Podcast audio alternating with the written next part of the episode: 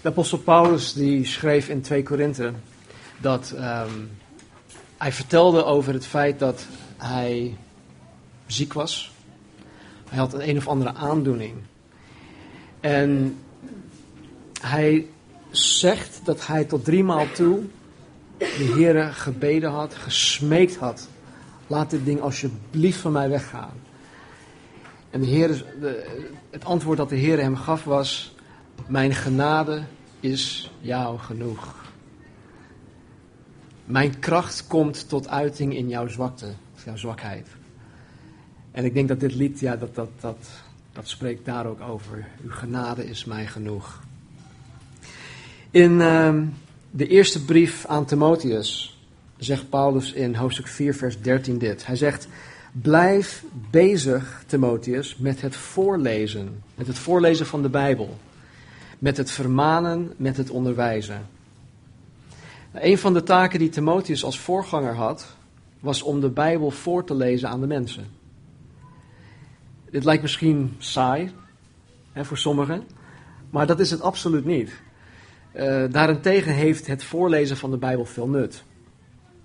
Wij zijn er als gemeente eigenlijk nog niet aan toegekomen om dat op die manier te doen.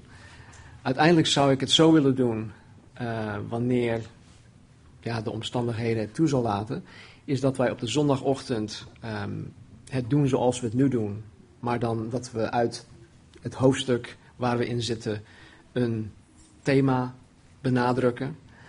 En vervolgens op zondagavond dat we dan het hoofdstuk met elkaar doornemen. Of twee hoofdstukken, of drie hoofdstukken, of vier hoofdstukken. Waardoor je uh, binnen een, een veel kortere tijdsperiode door de Bijbel heen kan gaan. En dat is dan ook de, wat, wat, wat uh, Paulus hier bedoelt wanneer hij zegt tegen Timotheus: blijf bezig met het voorlezen. Jesaja 55, 10 en 11 zegt dit. Zoals regen of sneeuw neerdaalt van de hemel en daarheen niet terugkeert, maar de aarde doorvochtigt en maakt dat zij voortbrengt en doet opkomen, zaad geeft aan de zaaier en brood aan de eter, zo zal mijn woord zijn dat uit mijn mond uitgaat. Het zal niet vruchteloos tot mij terugkeren, zegt God, maar het zal doen wat mij behaagt en het zal voorspoedig zijn in hetgeen waartoe ik het zend. Nou, God heeft het hier over het woord dat uit zijn mond komt, maar eigenlijk is de gehele Bijbel hierop van toepassing. Want het is allemaal zijn woord. God heeft het geïnspireerd. Hij heeft alle veertig schrijvers van de Bijbel met zijn Heilige Geest geïnspireerd. Hij heeft het als het ware door hun heen of in hun geblazen, waardoor zij het hebben opgeschreven.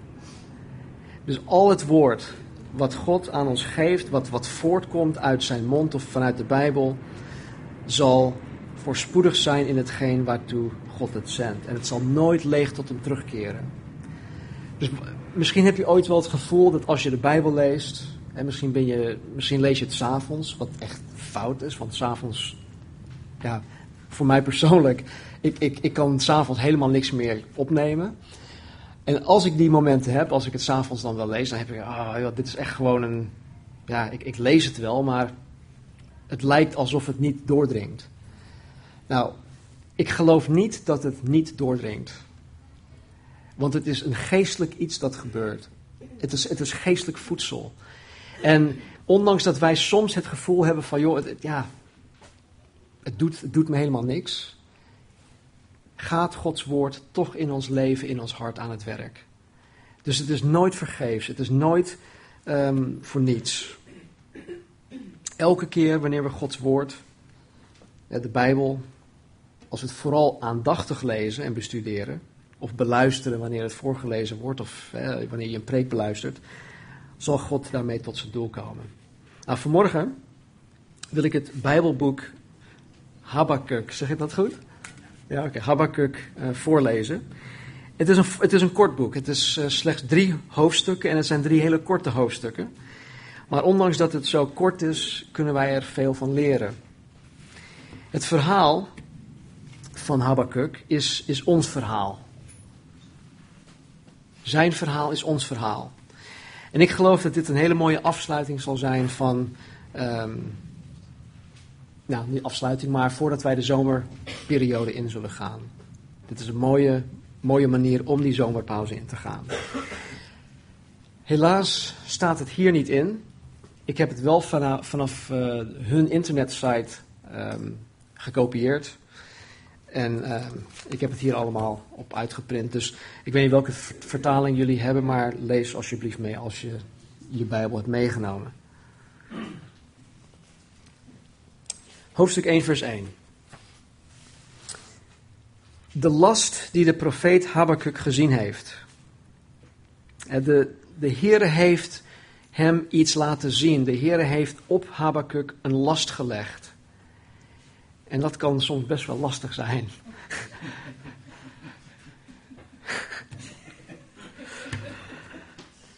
We zullen zien hoe lastig dat is voor hem. Hij zegt: Heere, hoe lang roep ik om hulp en luistert u niet? Roep ik tot u geweld en verlost u niet? Waarom doet u mij onrecht zien?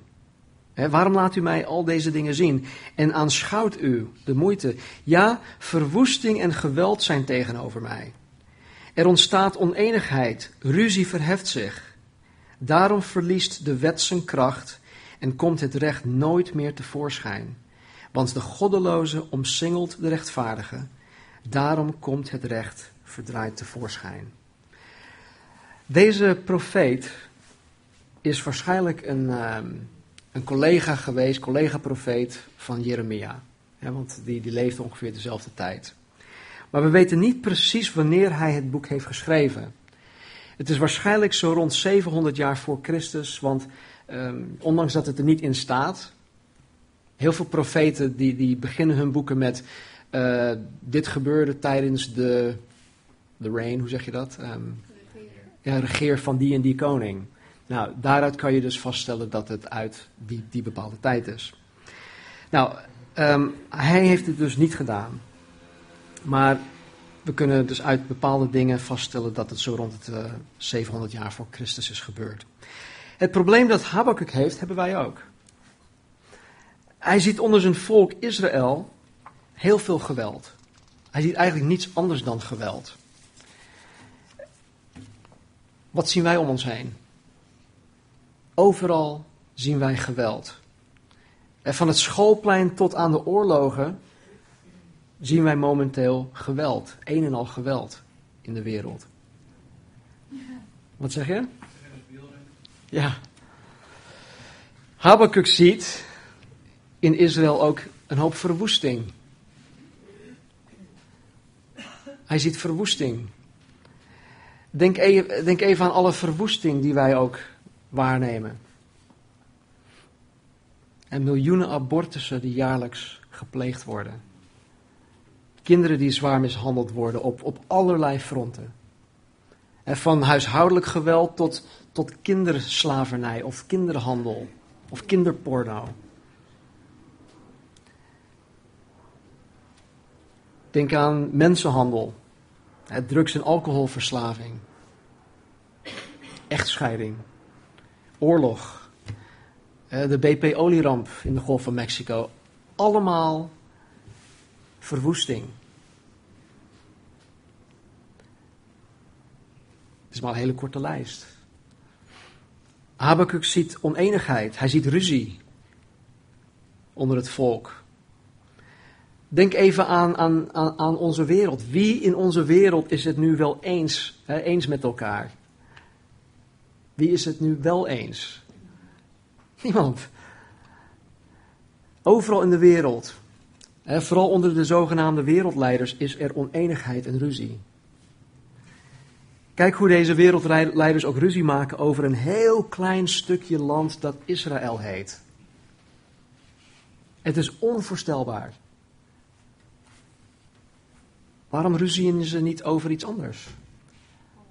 Israël. Nou, daar ligt heel wat achter, maar daar komen we het vandaag niet aan toe. Deze Mahmoud Ahmadinejad, de president van Iran, hij wil Israël van de kaart vegen. Dat is zijn, zijn drijfveer. Daar leeft hij voor. Om Israël van de kaart te vegen. Niemand komt tot een overeenstemming wat Israël betreft. Het is een en al enig, oneenigheid en een en al ruzie. En zelfs in ons eigen land kunnen wij niet eens samen het land besturen. Politieke partijen die niet samen willen werken. Waarom? Uit eigen belang. Ze doen het niet voor de mensen. De mensen hebben gekozen. En wat doen ze? Goed.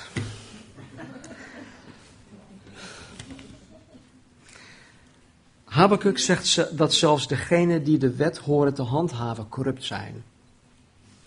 En dat er geen sprake is van rechtvaardigheid.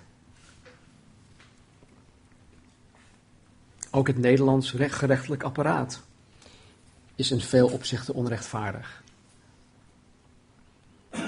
Hoeveel mensen gaan niet vrij wegens een detail of wegens een technische fout die de rechercheur of wie dan ook heeft gemaakt? Of door een of andere administratieve fout. Gaan misdadigers gewoon vrij.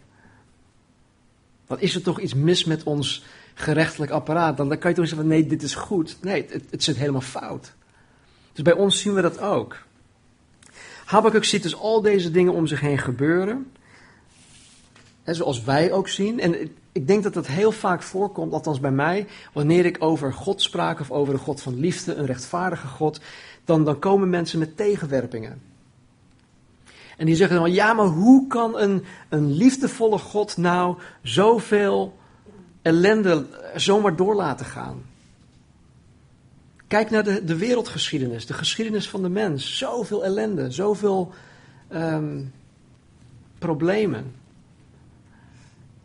Hoe kan een God van trouw, een God van liefde, een rechtvaardige God naar al deze dingen toelaten?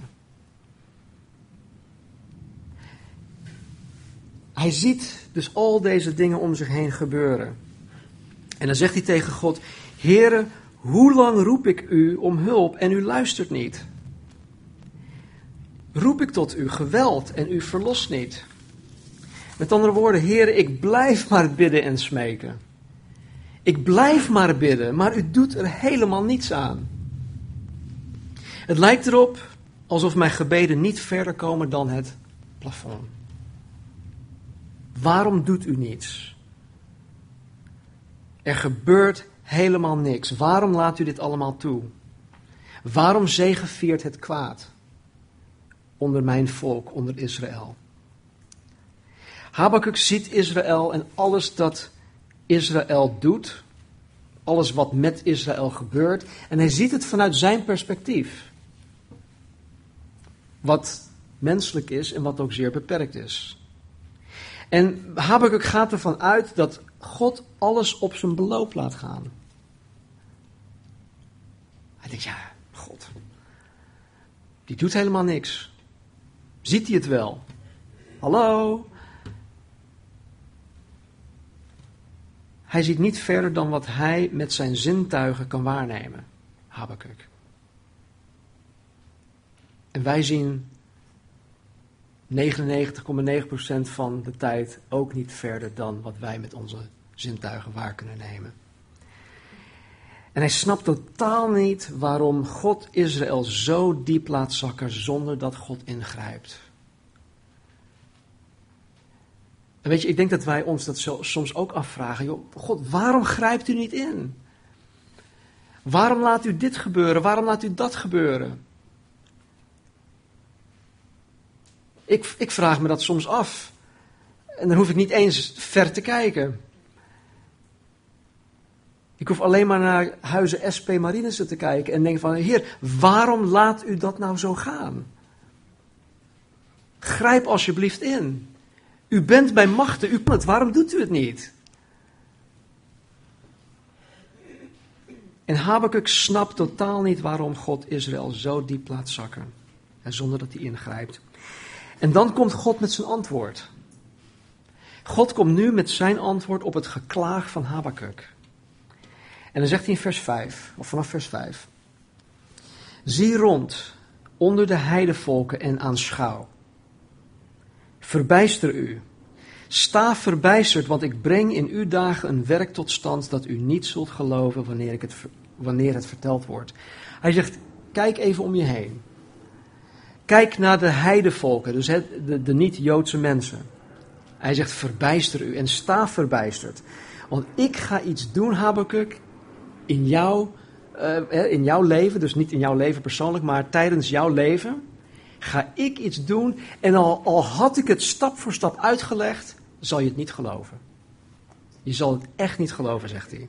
Want, vers 6, ik doe de Galdeën opstaan, dat grimmige en onstuimige volk, dat de breedte van de aarde doorkruist om woningen in bezit te nemen die niet van hem zijn.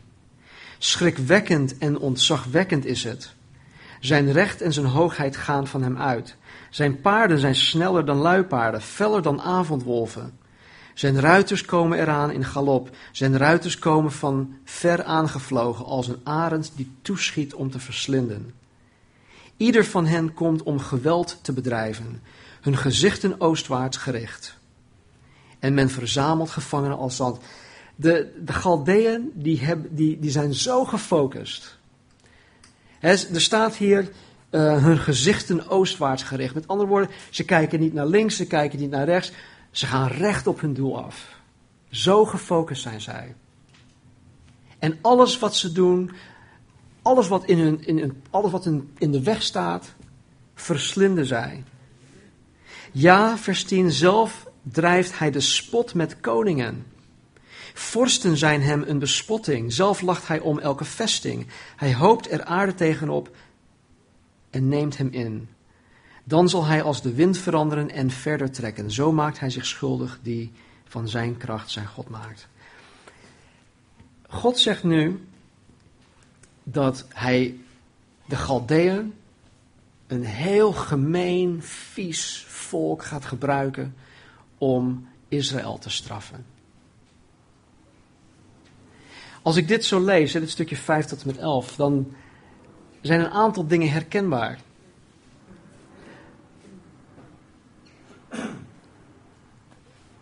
In mijn optiek kan je net zo zeggen, want zie, ik doe Al-Qaeda opstaan. Eh, ze zijn, dit waren terroristen van die tijd. Wat, wat niet binnen hun plaatje paste, moest weg. Dat vernietigde zij.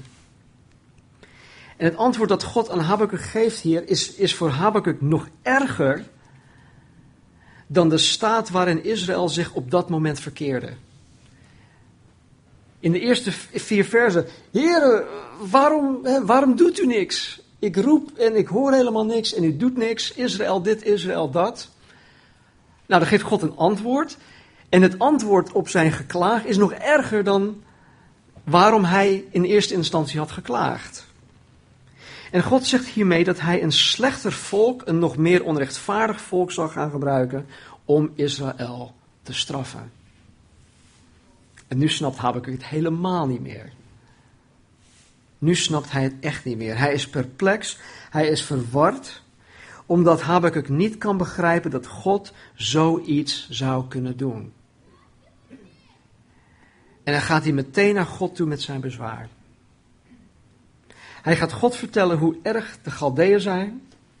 En dat hij het er niet mee eens is dat God dit verschrikkelijk volk gaat gebruiken om Israël te straffen. En dan zegt hij in vers 12: Bent u niet van oudsher de Heere, mijn God, mijn Heilige? Nou, letterlijk staat, er, staat hier: Bent u niet van um, from everlasting to everlasting, van eeuwigheid tot eeuwigheid? U bent de eeuwige God die er altijd was. Mijn God, mijn heilige, u bent als geen ander. U bent de enige echte God. Wij zullen niet sterven, zegt hij. Met andere woorden, Heer, u zal ons levend houden. Heere, u hebt hem gesteld tot een oordeel. Rots, u hebt hem gegrondvest om te straffen. Heere, u bent terrein van ogen om het kwade aan te zien. Moeite kunt u niet aanschouwen. God is zo heilig en zo rein dat hij zonde en kwaad niet aan kan zien. Hij kan er niet naar kijken. Toen Jezus Christus aan het kruis hing, toen hij al onze zonden op zich nam, toen hij onze zonden droeg, schreeuwde hij uit: Heere, Heere, waarom heeft u mij verlaten? Op het moment dat Jezus Christus onze zonde droeg, toen Hij zonde voor ons werd, toen, God, toen kon God hem niet meer aanzien. God moest wegkijken. Hij kon het niet meer aanzien. En daarom riep Jezus, Heere, Heere, waarom heeft u mij verlaten? Even daarvoor bad hij, Heere, als het mogelijk is om deze beker voorbij te laten gaan, alsjeblieft. Is er een andere mogelijkheid om de mensheid te redden? Alsjeblieft. Is er een andere mogelijkheid dan dat ik de zonde van de wereld op me neem? Dat, dat mijn fellowship, mijn relatie met u voor dat moment verbroken wordt? Dat wil ik helemaal niet. Maar niet zoals ik het wil, zoals u het wil. U bent terrein van ogen om het kwade aan te zien. Moeite kunt u niet aanschouwen. Waarom aanschouwt u wie trouweloos handelen? Zwijgt u wanneer een goddeloze hem verslindt, die rechtvaardiger is dan hijzelf? U maakt de mensen als vissen in de zee, als kruipende dieren die geen heerser hebben. Met andere woorden, ze worden zomaar opgevangen. Hij heeft het over de Galdeeën. De slachtoffers van de Galdeeën zijn als vissen in de zee. Die worden zo bevangen als in een net. Als kruipende dieren die geen heerser hebben. Hij haalt ze met, met, alle met een vishaak op, brengt ze bijeen met een sleepnet en verzamelt ze met zijn werpnet. Daarom verblijdt en verheugt hij zich. Daarom offert hij aan zijn sleepnet. Brengt hij een reukoffer aan zijn werpnet. Want daardoor is zijn vangst groot en zijn voedsel overvloedig. Deze Galdeeën die, die dachten van, hé, hey, alles wat wij bereiken, bereiken wij omdat wij zo geweldig zijn. En ze hebben hun eigen standbeelden, hun eigen afgoden. En ze zeggen, nou, dat is de God die ons doet zegevieren. Ze brachten offers aan deze dingen. Nou, en heel veel religies in deze wereld, in deze tijd, vandaag de dag nog steeds, brengen mensen offers aan een of andere tempel of een of ander, um, hoe noem je zo'n ding? Altaar. Om hun God te behagen, om hun God te eren.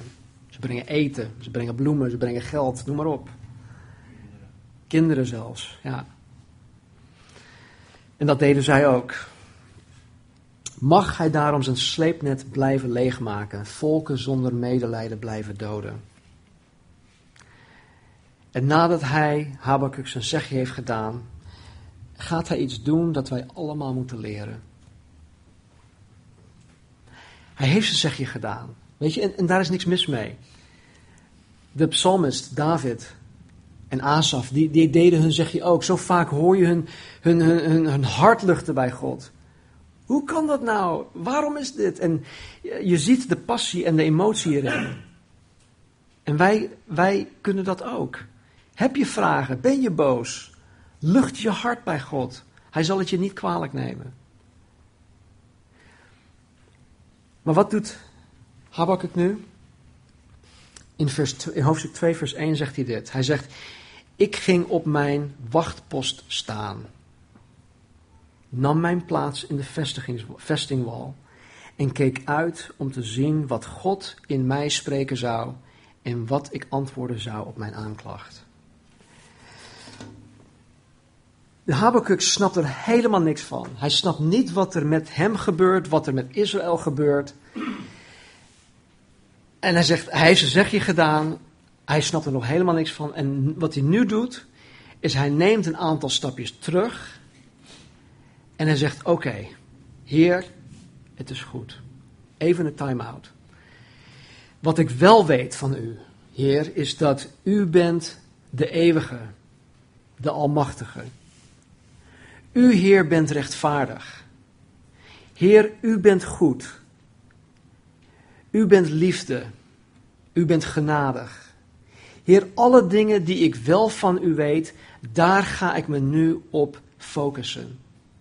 Want al die dingen wat ik niet snap, al die dingen wat ik niet begrijp, dat wil ik nu, daar wil ik nu even van af. Want het brengt mij alleen maar een hoop stress. En het, het brengt me in verwarring. En ik, dat wil ik helemaal niet. Dus wat doet hij? Hij neemt nu een aantal stappen terug. En hij zegt: Hier, U pak je aan. Doe maar wat u wil. Hij zegt, ik ga op mijn wachtpost staan. Ik neem een plaats in, op de vestingwal en ik kijk uit om te zien wat God in mij spreken zou en wat ik antwoorden zal op mijn aanklacht. Nou, Habakuk ging wachten. En dat moeten wij ook leren doen. Wij moeten leren om te wachten. Kijk, wanneer we midden in een storm zitten, dan, dan is het zo moeilijk om, om dingen helder te zien. Gisteren was er noodweer, het was wel mooi. Het waaide, nou die, die boom hier is ongeveer gekapt. Uh, het waaide, regende. Um, ik stak mijn, mijn, mijn hoofd uit, het, uh, uit, uit, uit, de voordeur. En ik keek, maar ja, uh, hoe heet dat? Het zicht was heel slecht. En ik weet niet of je ooit op een storm bent geweest op zee, maar als het daar stormt, dan is het nog honderdmaal erger. Want je hebt te maken met de golven van de zee, de wind, mist, regen, noem maar op. En je kan niks zien. En wanneer wij in de stormen van ons leven, als we er middenin zitten, kunnen wij dingen niet helder zien. En ik zeg altijd tegen mensen: als je niet weet wat je precies moet doen, doe dan niets. Wacht. Doe niet iets uit uh, van: oh, ik moet iets doen, ik moet toch iets doen, ik moet toch iets ondernemen.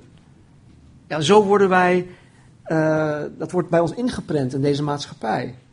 Je kan toch niet zomaar niets doen? Nee. Maar God wil dat vaak dat wij gewoon blijven wachten. Wachten op Hem, bidden, vragen, zoeken. Maar wat Habakkuk doet, hij ging wachten. Hij ging wachten om te horen wat God hem uiteindelijk zou gaan vertellen. Maar wat hij daarvoor doet is heel belangrijk. Hij valt terug op wat hij wel weet. Als wij niets anders weten, als wij ons in een situatie bevinden als wij in een situatie, ja, ons in bevinden, whatever, dan, dan, dan weten we vaak niet wat we moeten doen. We weten ook niet wat er gebeurt. Maar wat we wel weten is heel belangrijk. En wat weten we? We weten dat God onvoorwaardelijk van ons houdt. We weten dat God altijd het beste voor ons voor ogen heeft. We weten dat God ons niet alleen heeft gered voor nu, maar dat Hij, het werk dat Hij in ons begonnen is, dat Hij tot voleinding zal brengen. Dat Hij ons um, voorbereidt. Dit is allemaal een voorbereidend werk op de eeuwigheid. Dat Hij zal zegenvieren, dat Hij zijn koninkrijk hier op aarde zal vestigen, dat Hij terugkomt voor ons. Dat zijn dingen die, die we allemaal weten. Die wij moeten weten. Dus als, als er momenteel dingen zijn in je leven die, waarvan je dus echt, nou, dit snap ik helemaal niet, val terug op wat je wel weet. En wacht. En wat niet duidelijk naar voren komt in deze vertaling is dat Habakkuk zegt dat hij afwacht wat hij zelf tegen God zal zeggen wanneer God hem gaat corrigeren. Dus hij, hij, bij voorbaat gaat Habakkuk er al van uit, oké heer, ik weet u bent de eeuwige almachtige God, maar ik heb mijn zegje toch gedaan, want zo zie ik het. Hè, echt Nederlands, we hebben allemaal ons mening. En we willen ons mening duidelijk maken. En dat doet Habakkuk ook. Maar dan zegt hij daarna van, oké, heer, ik ga toch lekker wachten. Want ik wil afwachten wat u tot mij zal zeggen wanneer u mij gaat corrigeren. Want ik weet dat u niet fout zit, ik weet dat ik fout zit. Dat is een heel mooi voorbeeld van een nederige houding ten aanzien van God of ten opzichte van God. Wanneer we niet snappen wat er gebeurt, wanneer we denken dat God op deze wijze of op die wijze moet gaan handelen, dat hij dit of dat moet doen. En wanneer God iets totaal iets anders doet, dan is het niet zo dat God verkeerd zit, maar dat wij verkeerd zitten. En niet, niet verkeerd in die zin dat wij dingen verkeerd doen of dat wij zonde hebben begaan of, of. Nee, maar gewoon hier. In onze gedachten zitten wij ernaast. Want wij hebben zo'n beperkt zicht op, op het leven, op, op dingen. God weet en ziet alles. Wij weten en zien maar zo weinig. En het allerbeste dat wij kunnen doen is om te wachten. In gebed te wachten op een duidelijk antwoord en of door het lezen van Gods woord, de Bijbel, hè, om, om in onze gedachten gecorrigeerd te worden. Want Gods woord corrigeert ons. Het verandert ons denken. En toen antwoordde de Heer mij: Schrijf het visioen op. Grif het duidelijk in tafelen, zodat het in snel voorbij verlopen te lezen is.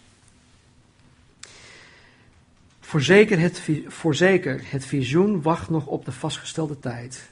Aan het einde zal het werkelijkheid maken. Hij ligt niet. Als hij uitblijft, verwacht hem, want hij komt zeker. Het zal niet wegblijven. Nou, dit even, um, vers 2 en 3. God zegt tegen Habakkuk, schrijf dit op. En wat, wat je opschrijft zal zeker komen. Gegarandeerd. Wacht erop. Um, de rest van hoofdstuk 2.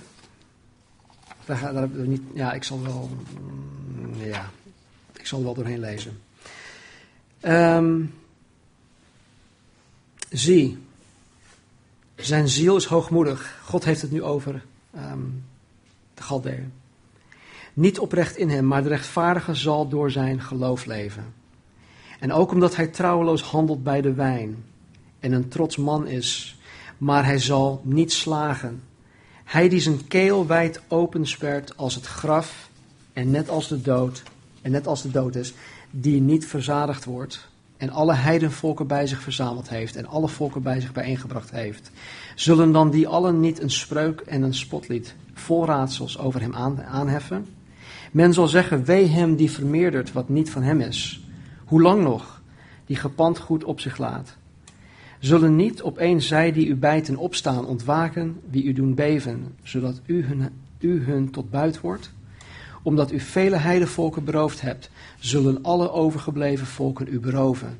Vanwege het vergoten bloed van de mensen en het geweld tegen het land, de stad en al zijn inwoners. Wee hem die op winstbejag uit is voor zijn huis, om zijn nest in de hoogte te bouwen, om zich te redden uit de greep van het kwaad. U hebt schande voor uw huis beraamd.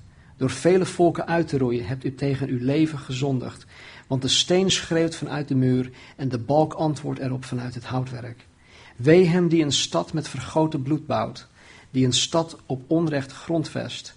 Zie, is het niet van de heren, van de legermachten, dat volken zich inspannen voor het vuur en natieën, zich voor niets afmatten?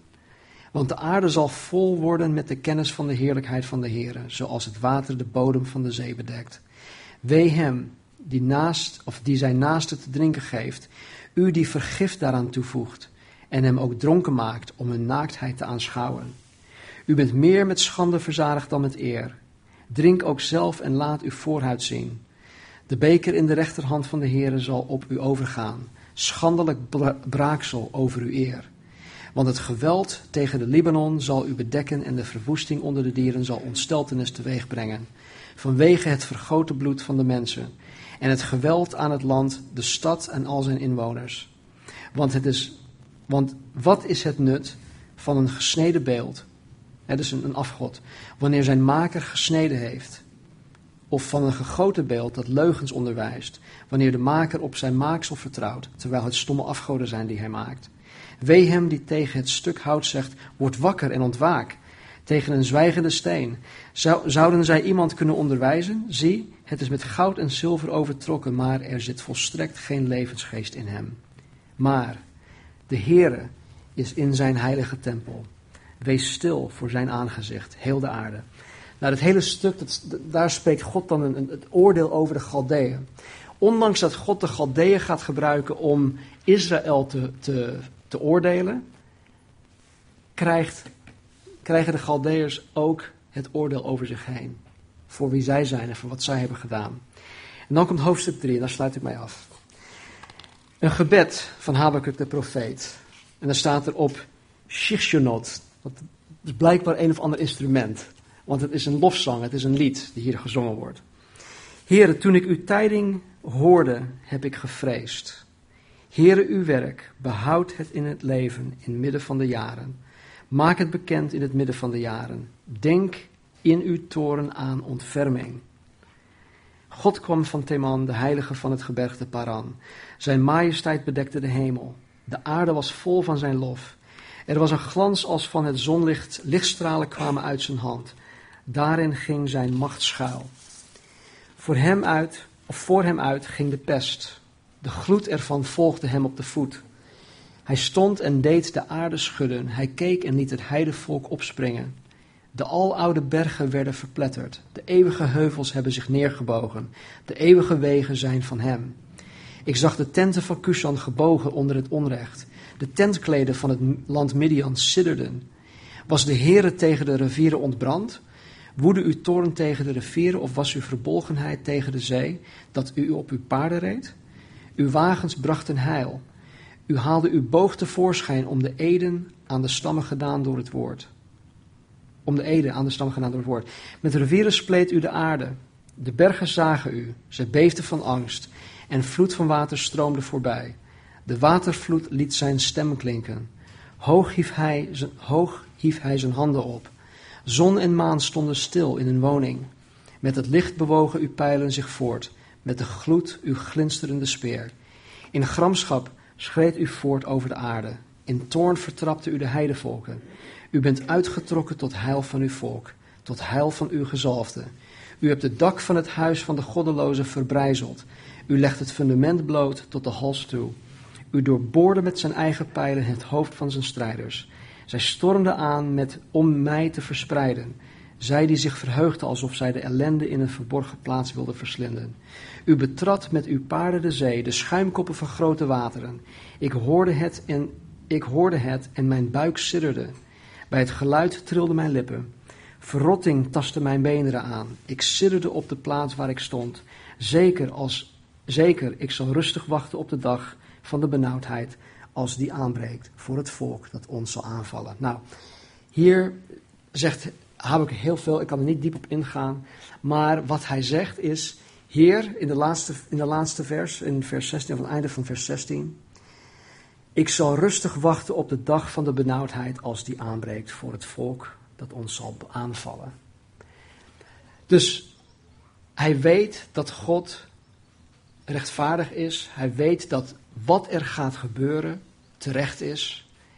En wat zegt Habakkuk?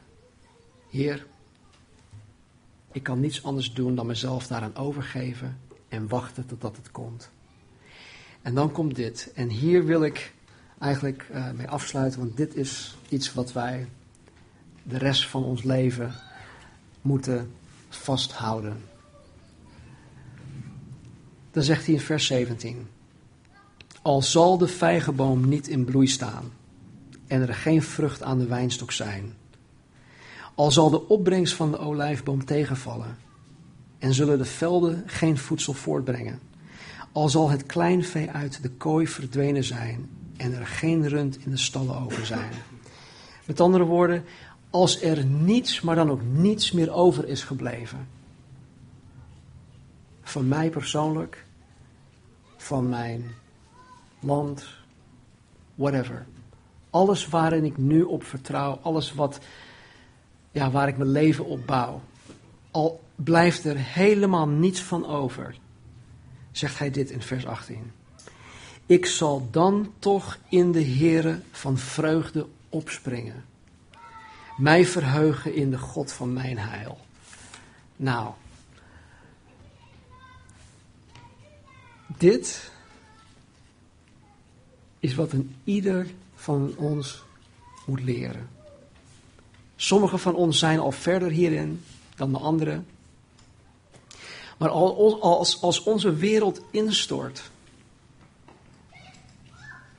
wat doen we? Hoe, reageren we daarop? Habakkuk wist, God is rechtvaardig, God is goed, God houdt van mij. Al die dingen meer. En dan zegt hij, al, al hou ik helemaal niks meer over, al is mijn hele bestaan weg, ik zal dan toch in de Here van vreugde opspringen er staat een I, I, will joy in the Lord. En het is letterlijk wat hier staat. Hij zal van vreugde opspringen, jubelen. Hij zal de Heere prijzen. Hij zal zich verheugen in de God van zijn heil.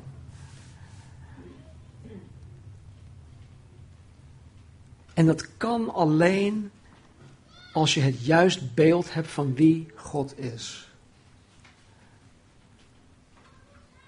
Als je nog steeds denkt dat God een soort verbandkoffertje is voor je, of dat God jouw welvaart gaat brengen in dit leven, dan raak je zwaar teleurgesteld. Want ik weet niet meer wie het zei vanmorgen. Ehm, we zullen met heel veel problemen door het leven gaan. Het christen zijn is geen roze geur en maneschijn. Wij hebben dezelfde problemen die de wereld heeft. We hebben zelfs meer problemen dan de wereldlingen. Maar God, God wil ons daardoor heen brengen. Hij, hij wil ons omvormen. Hij wil ons vormen naar het evenbeeld van zijn zoon. En weet je, er is een Bijbels principe dat mij staande houdt. Na het lijden is er altijd verheerlijking. Kijk naar de Bijbel. Let daarop. Na lijden is er altijd verheerlijking. Er is altijd iets moois of iets goeds dat eruit komt, dat eruit voortkomt. Elke storm waar je doorheen gaat, als je uit die storm bent gekomen, dan is er iets veel mooiers uitgekomen dan voordat je in die storm kwam. Dus het is goed.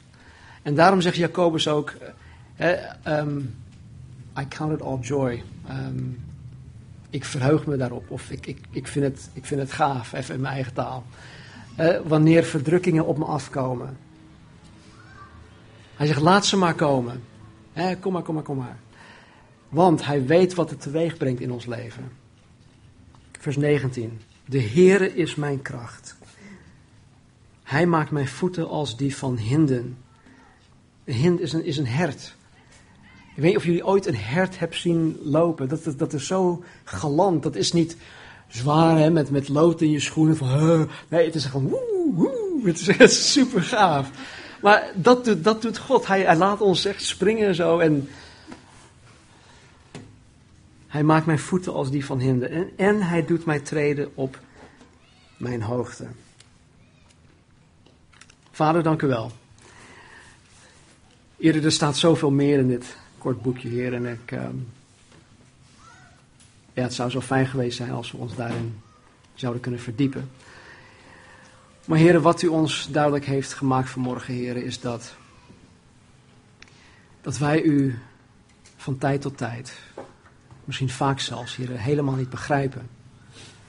Want Heer, uw wegen zijn hoger dan onze wegen. Uw gedachten zijn veel hoger dan onze gedachten. En Heer, wij, wij snappen u gewoon niet. Heer, het is net alsof een, een meer ons als mens probeert te snappen en te begrijpen. Heer, dat gaat niet.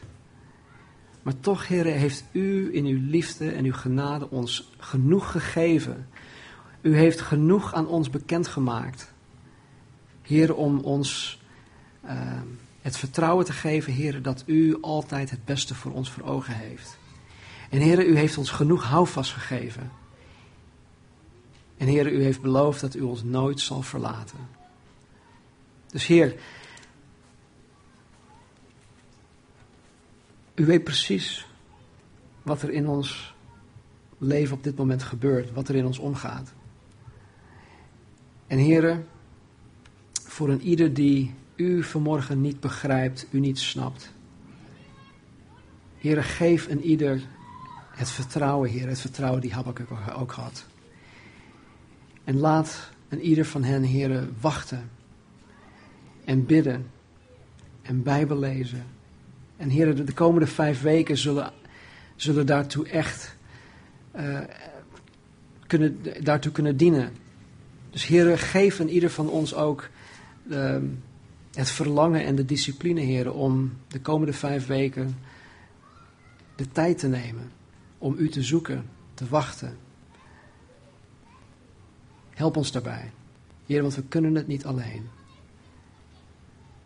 Dus Heer, ik bid voor een ieder dat u ons vandaag, morgen, de komende weken zal zegenen.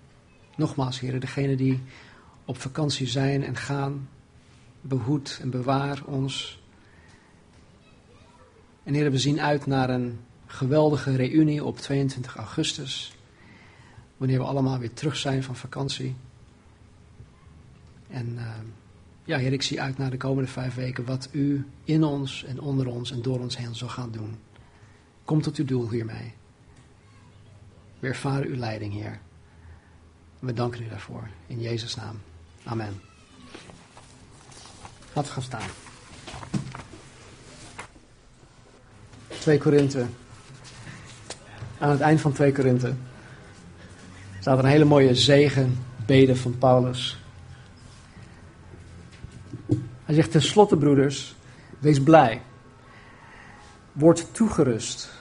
Laat u aansporen. Wees eensgezind. Leef in vrede. En de God van de liefde en van de vrede zal met u zijn. Groet elkaar met een heilige kus. De genade van de Heer Jezus Christus en de liefde van God en de gemeenschap van de Heilige Geest zijn met u allen. Amen.